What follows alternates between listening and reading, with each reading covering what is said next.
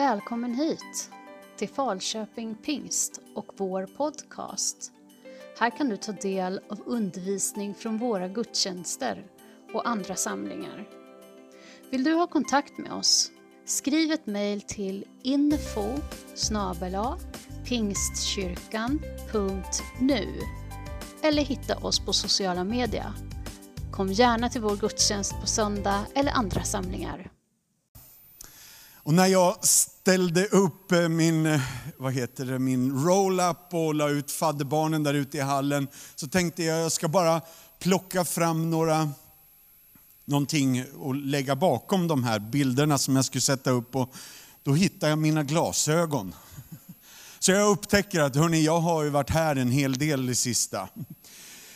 Jag tror att det är fjärde gången på kanske två år. Vi hade julkonsert i höstas och då predikade jag inte. Men någon gång predikade jag framför kamerorna här under pandemin eh, och då fick vi heller inte ses. Så om du inte känner igen mig eh, så gör det ingenting. För jag är inte från Falköping, men jag heter Mattias Martinsson och jag är gift med min fru. Nu ska Dan ta en bild här. Vi måste, vänta, vi måste ha med Bibeln. Så att det liksom ser på riktigt ut det här.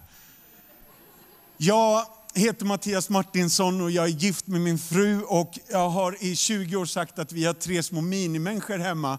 Men två av dem är så stora så att de skulle kunna slå ner mig för att jag säger det. Och då tänker jag, när de inte är här nu då, så säger jag det. Men de är, eh, Joel är 21, Anton är 20 och Ester är 15. Och jag jobbar med en fadderbarnsorganisation som heter Compassion och det kommer vi återkomma till senare i predikan. Men de gångerna jag har varit här så är det flera av er som redan har blivit faddrar och jag vill bara säga tack. Vår värld blöder, det är verkligheten. I Compassion så beslöt vi att ta hand om 200 000 barn extra och några av de barnen har ni varit med och hjälpt.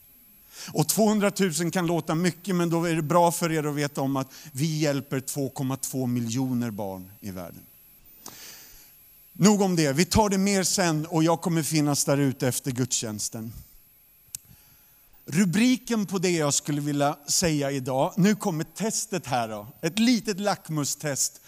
Om ni ska avsluta den meningen som jag säger snart här, jag säger inledningen på min predikan och rubriken och så ska ni bara killgissa den andra delen. Om jag säger, där din skatt är. Precis. Där din skatt är, där kommer också ditt hjärta att vara. Och det är själva rubriken och jag kommer återkomma till bibelordet. Men först skulle jag vilja göra lite offentlig själavård och säga att punkt nummer ett är ett avslöjande om min person.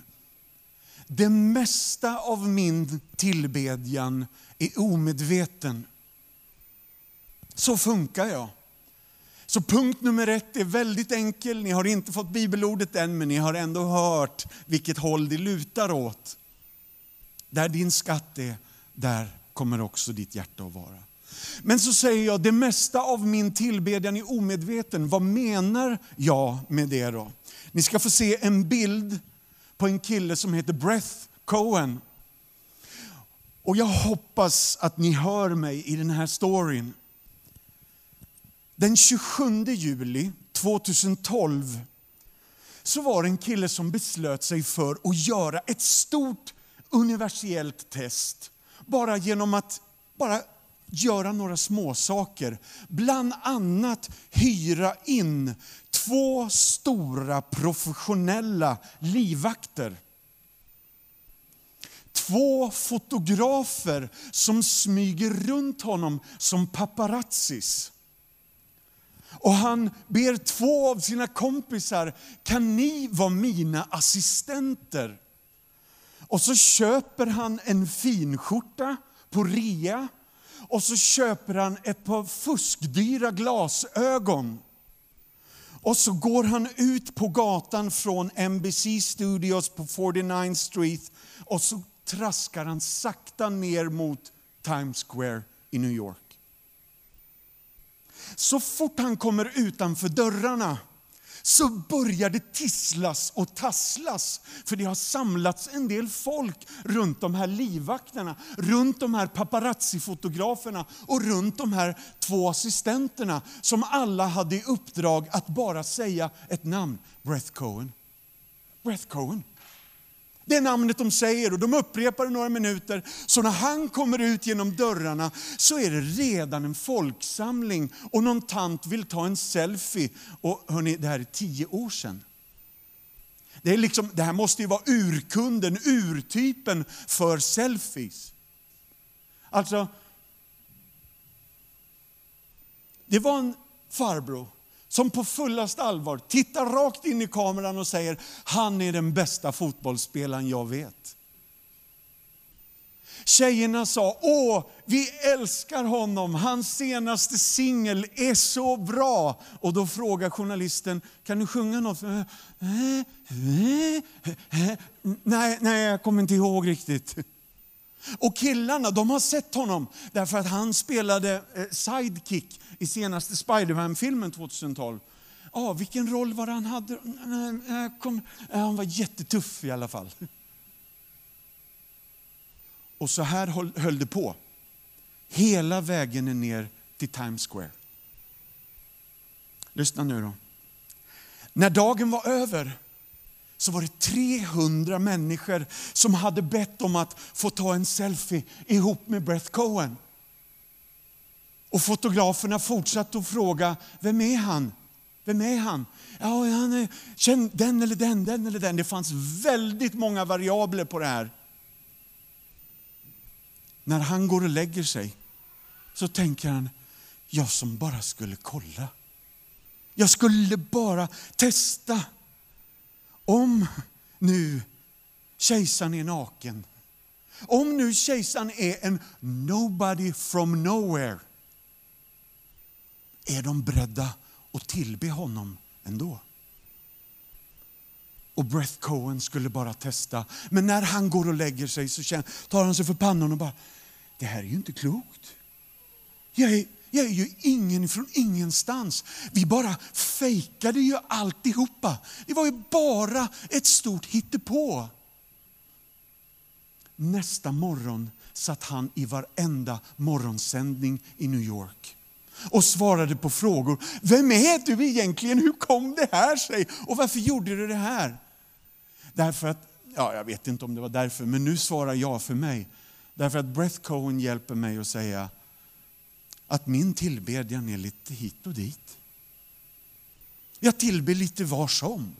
Jag tillber lite allt möjligt. Jag tillber det som dyker upp och verkar häftigt eller modernt eller inne eller just nu. Och det här är ju inte ens just nu, det här är ju tio år sedan.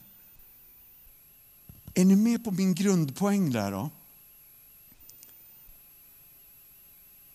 Ska vi läsa bibelordet i Matteus evangeliet kapitel 6 och vers 19 till 23. Rubrikerna på den här texten är skatter i himlen och ögat är kroppens lampa. Så Matteus 6, vers 19 till 23. Samla er inte skatter på jorden där rost och mal förstör och tjuvar bryter sig in och stjäl. Okej, okay, då vet vi vad vi inte ska göra. Vad ska vi göra istället då? Samla er skatter i himlen. Varför då? Jo, för där är det varken rostmal som förstör och där finns det inga tjuvar som bryter sig in och stjäl. Och varför är det bättre att samla där då? Jo, för där din skatt är, där kommer också ditt hjärta att vara. Så tonårshjärtan fladdrade iväg när Breath Cohen gick ut på stan med en två för många knappar uppknäppta. Och han liksom hade eh, fixat ögonbrynen och noppat öronen och stylat håret och grejat och fejat. Och ändå när dagen är över så är han en collegekille från förorten. Som bara bevisar för oss att om inte vi har någon skatt så ska vi nog se till att vi tar en skatt, eller skapar oss en skatt, eller gör oss en skatt. Och nästa del av bibelordet är ögat är kroppens lampa. Och om ditt öga är friskt, då får hela din kropp ljus. Men om ditt öga är sjukt, då ligger hela din kropp i mörker. Och om nu ljuset inom dig är mörker, hur djupt är då inte mörkret? Nu blev det lite allvar av alltihopa. Är det handuppräckning här nu då? Är det någon som har sett lite på OS? Ja, Gud välsigne er allihopa. Alla ni ungdomar, OS har pågått länge och nu pratar jag om sånt jag inte har någon aning om som ni ser. Men OS har pågått länge och OS var i Norge och då var de på en plats som hette Lillehammer. Är det någon av er som kommer ihåg? Ja, Gud välsigne er. Blir förbön sen. Eh, OS i Lillehammer var det 1994 och det pågick kanske i två, tre veckor. Från början till slut. Från invigning till avslutning så är det två, tre veckor, något sånt där. Lyssna nu då. De som hade jobbat med OS, några av dem hade jobbat i fem år. För att förbereda. Mycket att förbereda också. Det var ett stort event, det var en riktig satsning, det var mycket som skulle byggas. Arenor som inte fanns skulle vara klara om fem år så att de kunde köra. Så det, det var en stor baluns. Det rörde sig om mycket folk, många medarbetare. Och sen var det dags och det var invigning. Och alla var på tå och det gick bra tror jag. Som jag minns det, från min sida av universum. Men sen kom det till den där söndagskvällen då de här två eller tre veckorna är slut. Och sen var det måndag. Och flera av de här 2000 medarbetarna tänkte, vi packar väl ner. Och så gjorde de det och sen, nu har vi packat ner. Vad gör vi nu? Och där säger psykologerna att där har vi någonting som i historien har kallats för Lillehammersyndromet. Så sen 28 år tillbaka har vi en erfarenhet av en upplevelse att vi har varit i en process som har varit Lillehammer var ju rolig, så här brister min lilla eh, tes eller sammanhållning av den här berättelsen. Men vi har varit i en process de senaste två åren. Vi har varit i någonting som vi inte har upplevt eller erfarit i våra liv tidigare. Så vi har gjort upplevelser och erfarenheter som vi aldrig har haft tidigare. Vi har inte varit med om sådana här nationella lockdowns, eller kanske några av oss har varit i, i fråga om andra världskriget, om möjligt. Så vår coronaerfarenhet har varit en intensiv period som helt plötsligt nu är öppet. Och så dyker en snubbe, eller en snubbe ska vi inte kalla honom, vi kan kalla honom Putin. Och så kommer vi ur en era, får vi ändå säga. Därför att det här är en erfarenhet som vi tidigare inte har upplevt. En svår gemensam upplevelse. Och så ska vi kliva ut i friheten och så gör Putin så här med vår värld.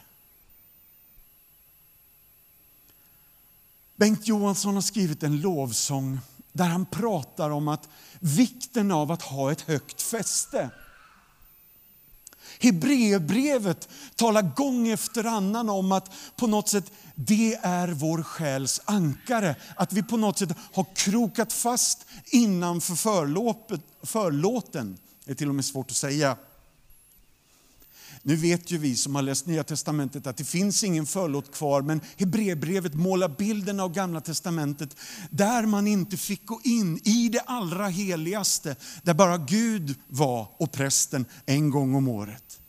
Där har vi på något sätt krokat fast och har en trygghet, ett ankare, ett fäste som håller oss kvar i tider när det liksom stormar. Nu försöker jag med min arm visa hur det stormar här bak i armen och så har man ett högt fäste här framme på något sätt. Jag lyckas sådär. Men ni är med på tanken. Och då undrar jag, vad har det här med min bön och tillbedjan att göra? Hela bergspredikan säger, det har allt att göra med min bön och tillbedjan. För om jag inte lyfter blicken så förlorar jag hoppet. Och förlorar jag hoppet så tappar jag min sång. Lyssna nu vad Job säger i kapitel 35. Var är han som föder sången i natten?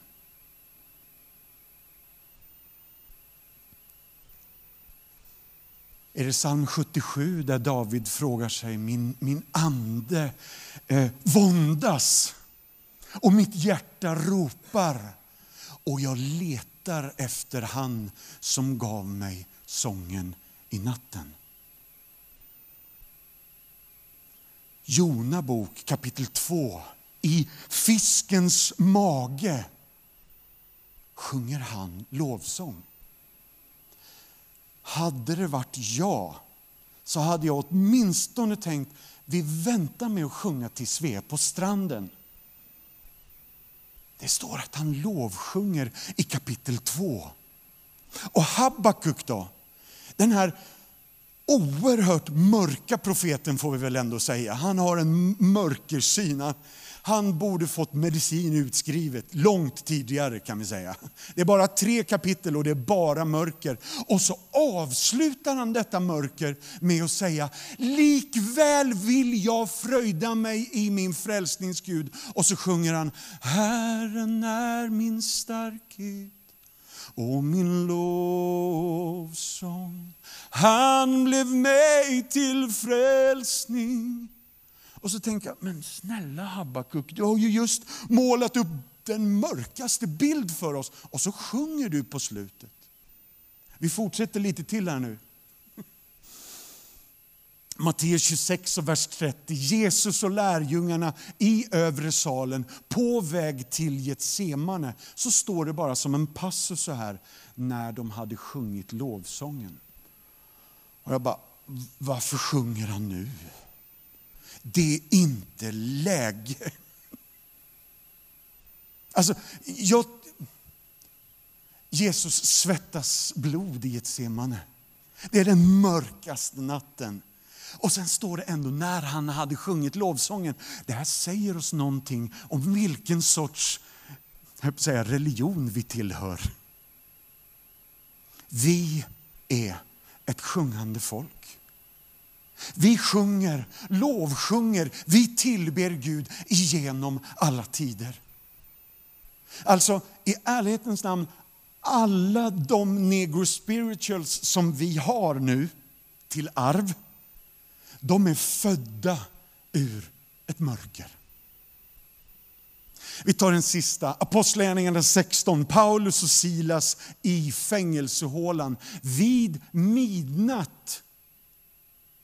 Ett viktigt ord som är återkommande genom evangelierna för att på något sätt påminna oss om, hörni, när det var som mörkast för Paulus och Silas.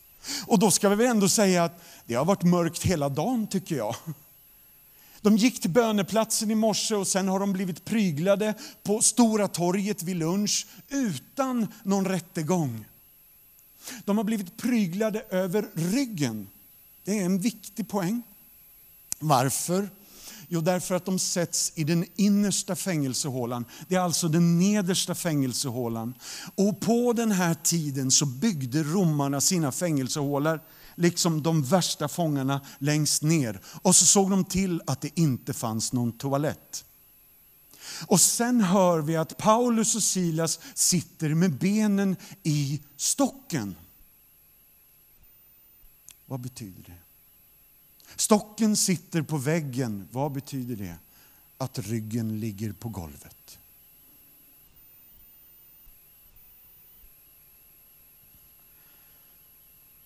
Det här är ju provocerande. Att vi genom både hela gamla och i nya testamentet har en gemensam bild av allt det här. Att de här lirarna har ett väldigt högt fäste. Ett själens ankare som når innanför förlåten och som gör att ja, men det stormar riktigt rejält här. Ändå sjunger de, tillber dem. Punkt nummer två nu då. Jag lovar att nu ska det gå lite fortare från och med nu.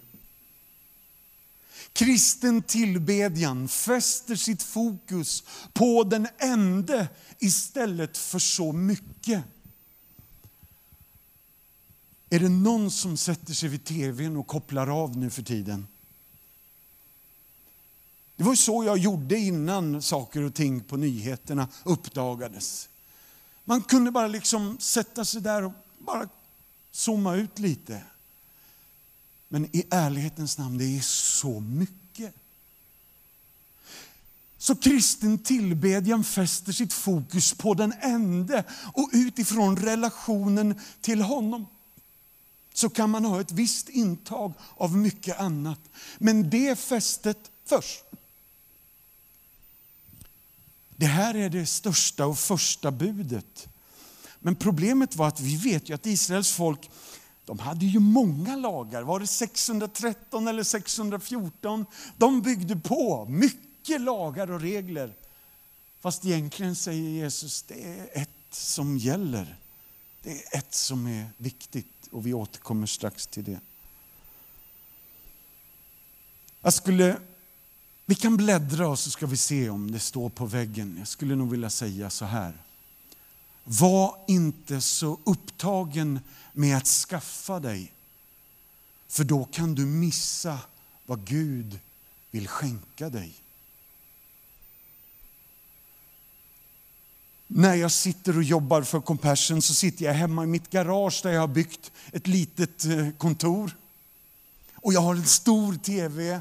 Och jag har tyckt att det har varit härligt att ha sällskap av Herrmilen eller Vasaloppet idag hade varit gött att dra på där. Men jag har märkt att de senaste veckorna så blir nyhetsintaget oerhört intensivt.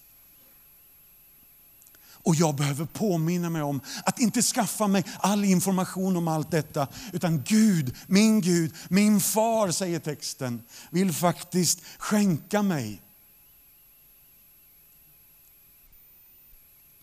Matteus 6 och 34-40 säger Fariséerna hörde att Jesus hade gjort saduceerna svarslösa och samlades runt honom.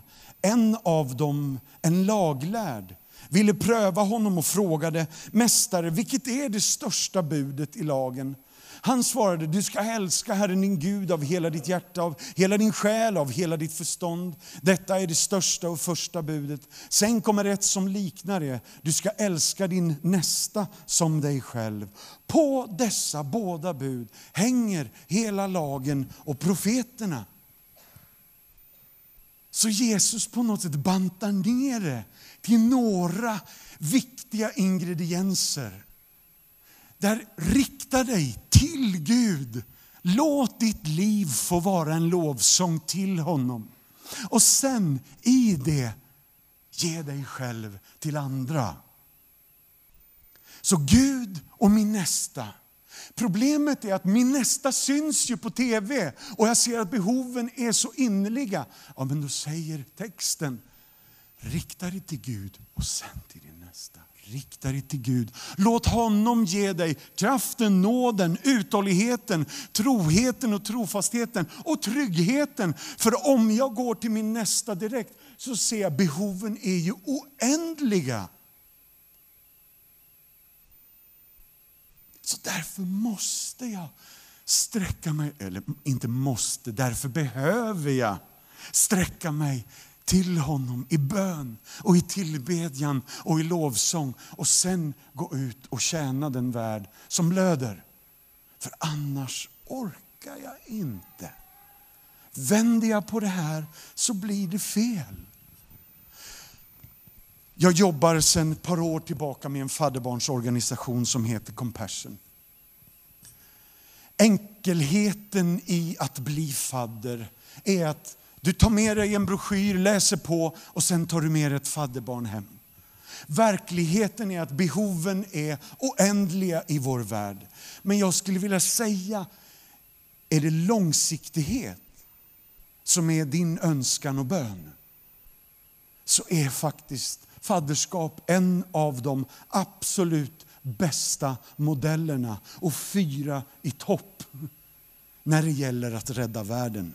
Nästa grej är faktiskt myggnät, vatt, rent vatten i byar och säkra förlossningar. Och de grejerna jobbar vi med. Punkt nummer tre. Tillbedjan är motsatsen till objektifiering. Och med objektifiering menar jag, vad kan du göra för mig? Hur kan du möta mina behov och vad kan detta ge mig? Tillbedjan handlar ju enbart om Gud och aldrig om oss. Och det här har ju kyrkan sagt i alla år. Att vi ger honom vår bön och vår lovsång och vi riktar vår uppmärksamhet på honom. Och det är rätt så. Men verkligheten är att när jag sträcker mig efter Gud så rör han vid mig. Och det händer något i mitt inre. Så någonting i mig vill sträcka sig ut och hjälpa andra. Varför? Jo, därför att det är Guds natur. Jag får del av liksom det tänket som Gud är, det tänket som Gud har. Så istället för att jag tänker hur ska jag hjälpa andra, så säger jag Gud, förvandla vår värld, börja med mig. Och så förändras jag och i det Hebreerbrevet 13, vers 15 och 16 säger att vi ska offra lovets offer. En frukt från läppar som prisar hans namn. Och det här har ju jag som lovsångsledare bombarderat i 25 år. Jag har inlett lovsångspass med att liksom skandera ut de här verserna.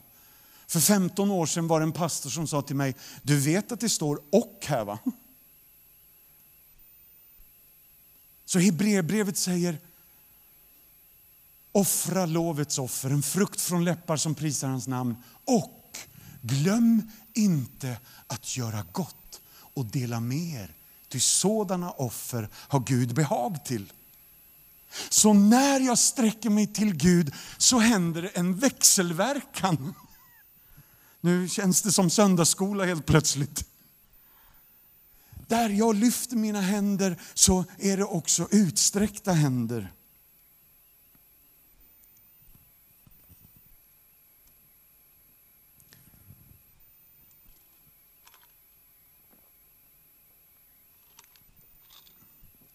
Vi ska strax gå ner för landning och ta sista punkten. Jag vill läsa en ganska lång poetisk text för dig. Det är en icke-kristen författare, han är faktiskt ateist. Och han skrev det här som ett skolavslutningstal på Kenyon College för riktigt många år sedan. Han heter David Foster Wallace. Och lyssna här på vad ateisten kan lära oss. Han säger så här. Alla tillber. Det enda valet vi får är vad vi ska tillbe. Och det övertygande skälet för att kanske välja någon sorts Gud och tillbe, det är att ganska mycket annat du tillber kommer att äta upp dig levande. Om du tillber pengar och prylar, om det är där du finner verklig mening i livet, då kommer du aldrig få nog. Aldrig känna att du har tillräckligt. Det är sanningen. Tillbe din egen kropp, skönhet och sexuell lockelse. Och du kommer alltid känna dig ful. Och när tid och ålder visar sanningen så kommer du att dö en miljon gånger innan dina nära och kära äntligen begraver dig. Tillbe makt och du kommer att känna dig svag och rädd. Och du kommer behöva allt mer makt för att ses som smart. Eh, eh, allt mer makt över andra för att bedöva dig, din egen rädsla. Tillbe ditt intellekt och ses som smart och du kommer till slut att känna dig dum och falsk och alltid på gränsen till att bli upptäckt. Och det lömska med alla dessa former av tillbedjan är att de är, att, inte att de är onda eller syndiga, utan att de är omedvetna. De är standardinställningar.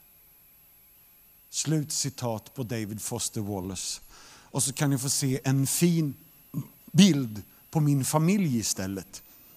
Det är lite roligare än att lyssna på en ateistisk poet som tyvärr säger oss en stor sanning. Anton är så fruktansvärt duktig på elgitarr. Och lägger jag mina förväntningar på honom så blir de till slut ett ok som han dignar under.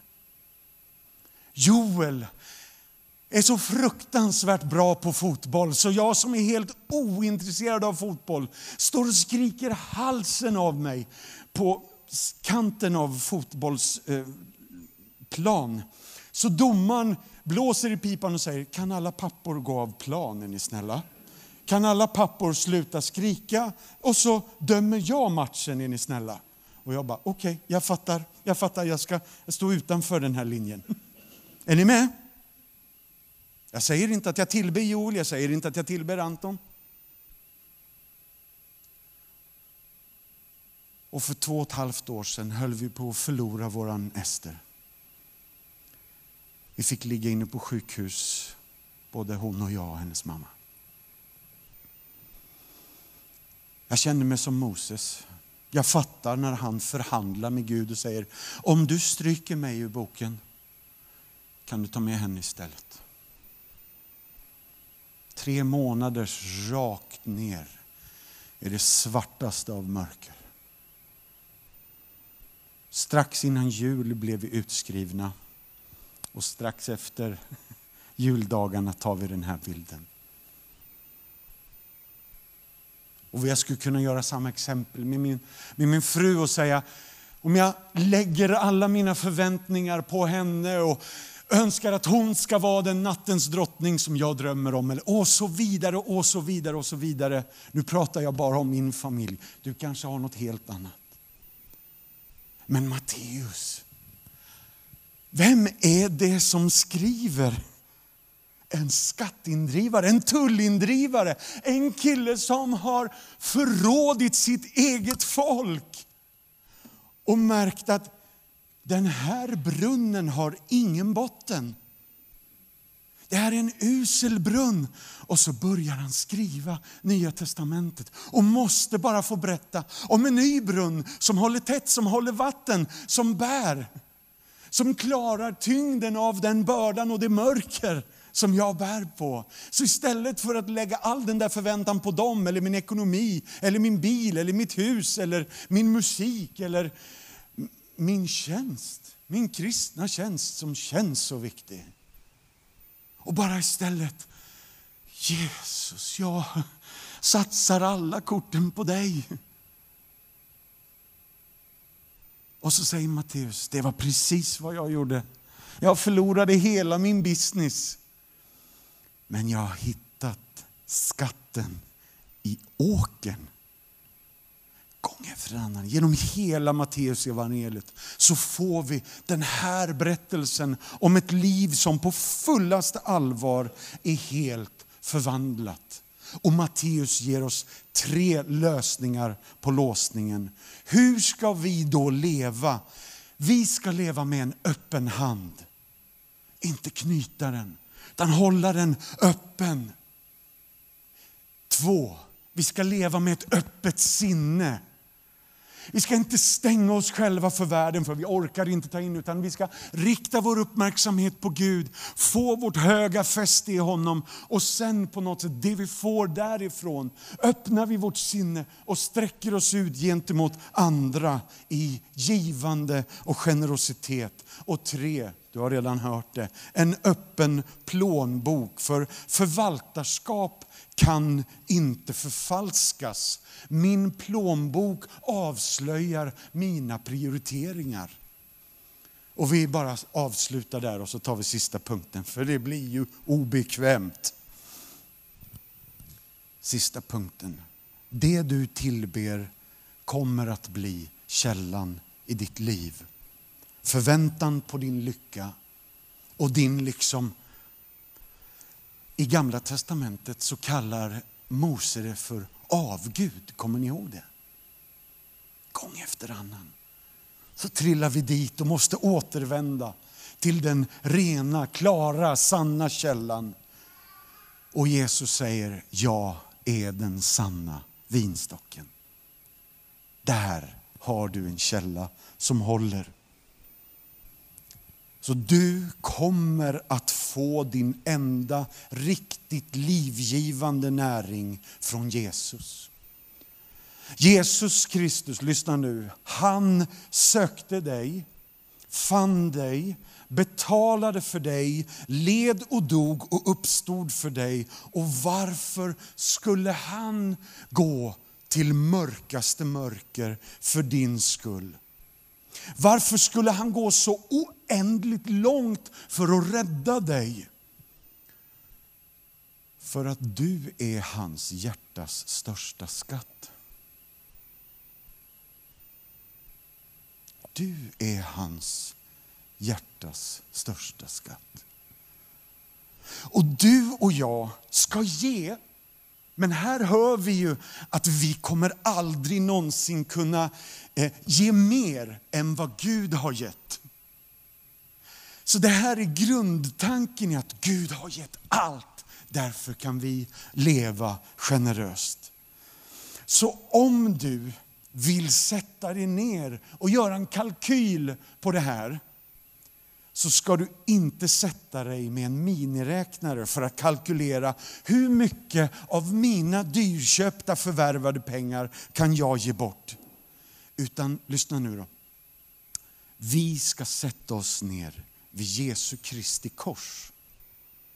Där kan vi lyfta våra händer i tillbedjan och tacksamhet säga nu förstår jag att du inte kalkylerade kostnaderna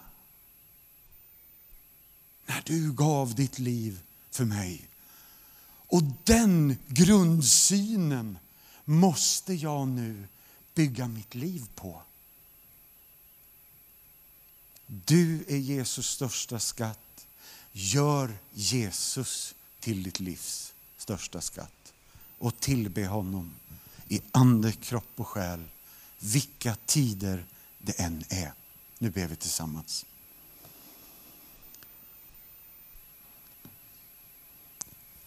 Gode Gud, du som eh, älskar och inte gör det på avstånd. Du som inte bara gav oss en handbok i kärlek, utan har gett oss ett exempel i utgivande. Herre, hjälp oss att inte bara gå sönder av allt vi ser och liksom eh, resignera och ge upp. För det är risken, Herre. För den tid vi har varit i, det har varit riktigt bärst. Vi gillade inte corona och vi gillar inte det som händer i Ukraina. Gode Gud, ha förbarmande med oss så att inte vi stänger våra hjärtan, sluter våra ögon, eh, håller för våra öron. Utan fräls oss från ondo. Och hjälp oss att ge vårt hjärtas lovsång till dig, du Gud som har gett långt mer än vad vi någonsin kan ge. Vi kan aldrig liksom utge mer än vad du har gett. Så hjälp oss med ditt exempel. Att sträcka våra händer till Fadern i bön och i lovsång och tillbedjan. Men också sen då ge oss ut i vår värld och betjäna änkan, den faderlöse, flyktingen, den hemlöse. Gode Gud, fräls oss från ondo och gör vår värld större. Hjälp vårt hjärta att inte sluta sig för den värld som du gav ditt liv för och som blöder. Hjälp oss att komma med helande händer. Hjälp oss att komma med hopp. Även när vi känner att det känns rätt tomt i våra händer ibland. Så vet vi att om vi ger dig det vi har så kan fem bröd och två fiskar mätta fem tusen män förutom kvinnor och barn. Och den beräkningen hade vi aldrig kunnat göra. Men det är sånt du jobbar med Gud. Så kom till oss här idag och befria oss från bördorna vi bär. Det ber vi om i Jesu namn. Kom med själavård, läkedom, helande och tröst. Du som vet precis varenda en av oss och vad vi behöver just nu. Gör det där personliga som inte vi kan skapa eller trolla fram, utan bara din helige Andes nåd och närvaro. Du har lyssnat till undervisning från Falköping Pingst. Gud välsigne dig.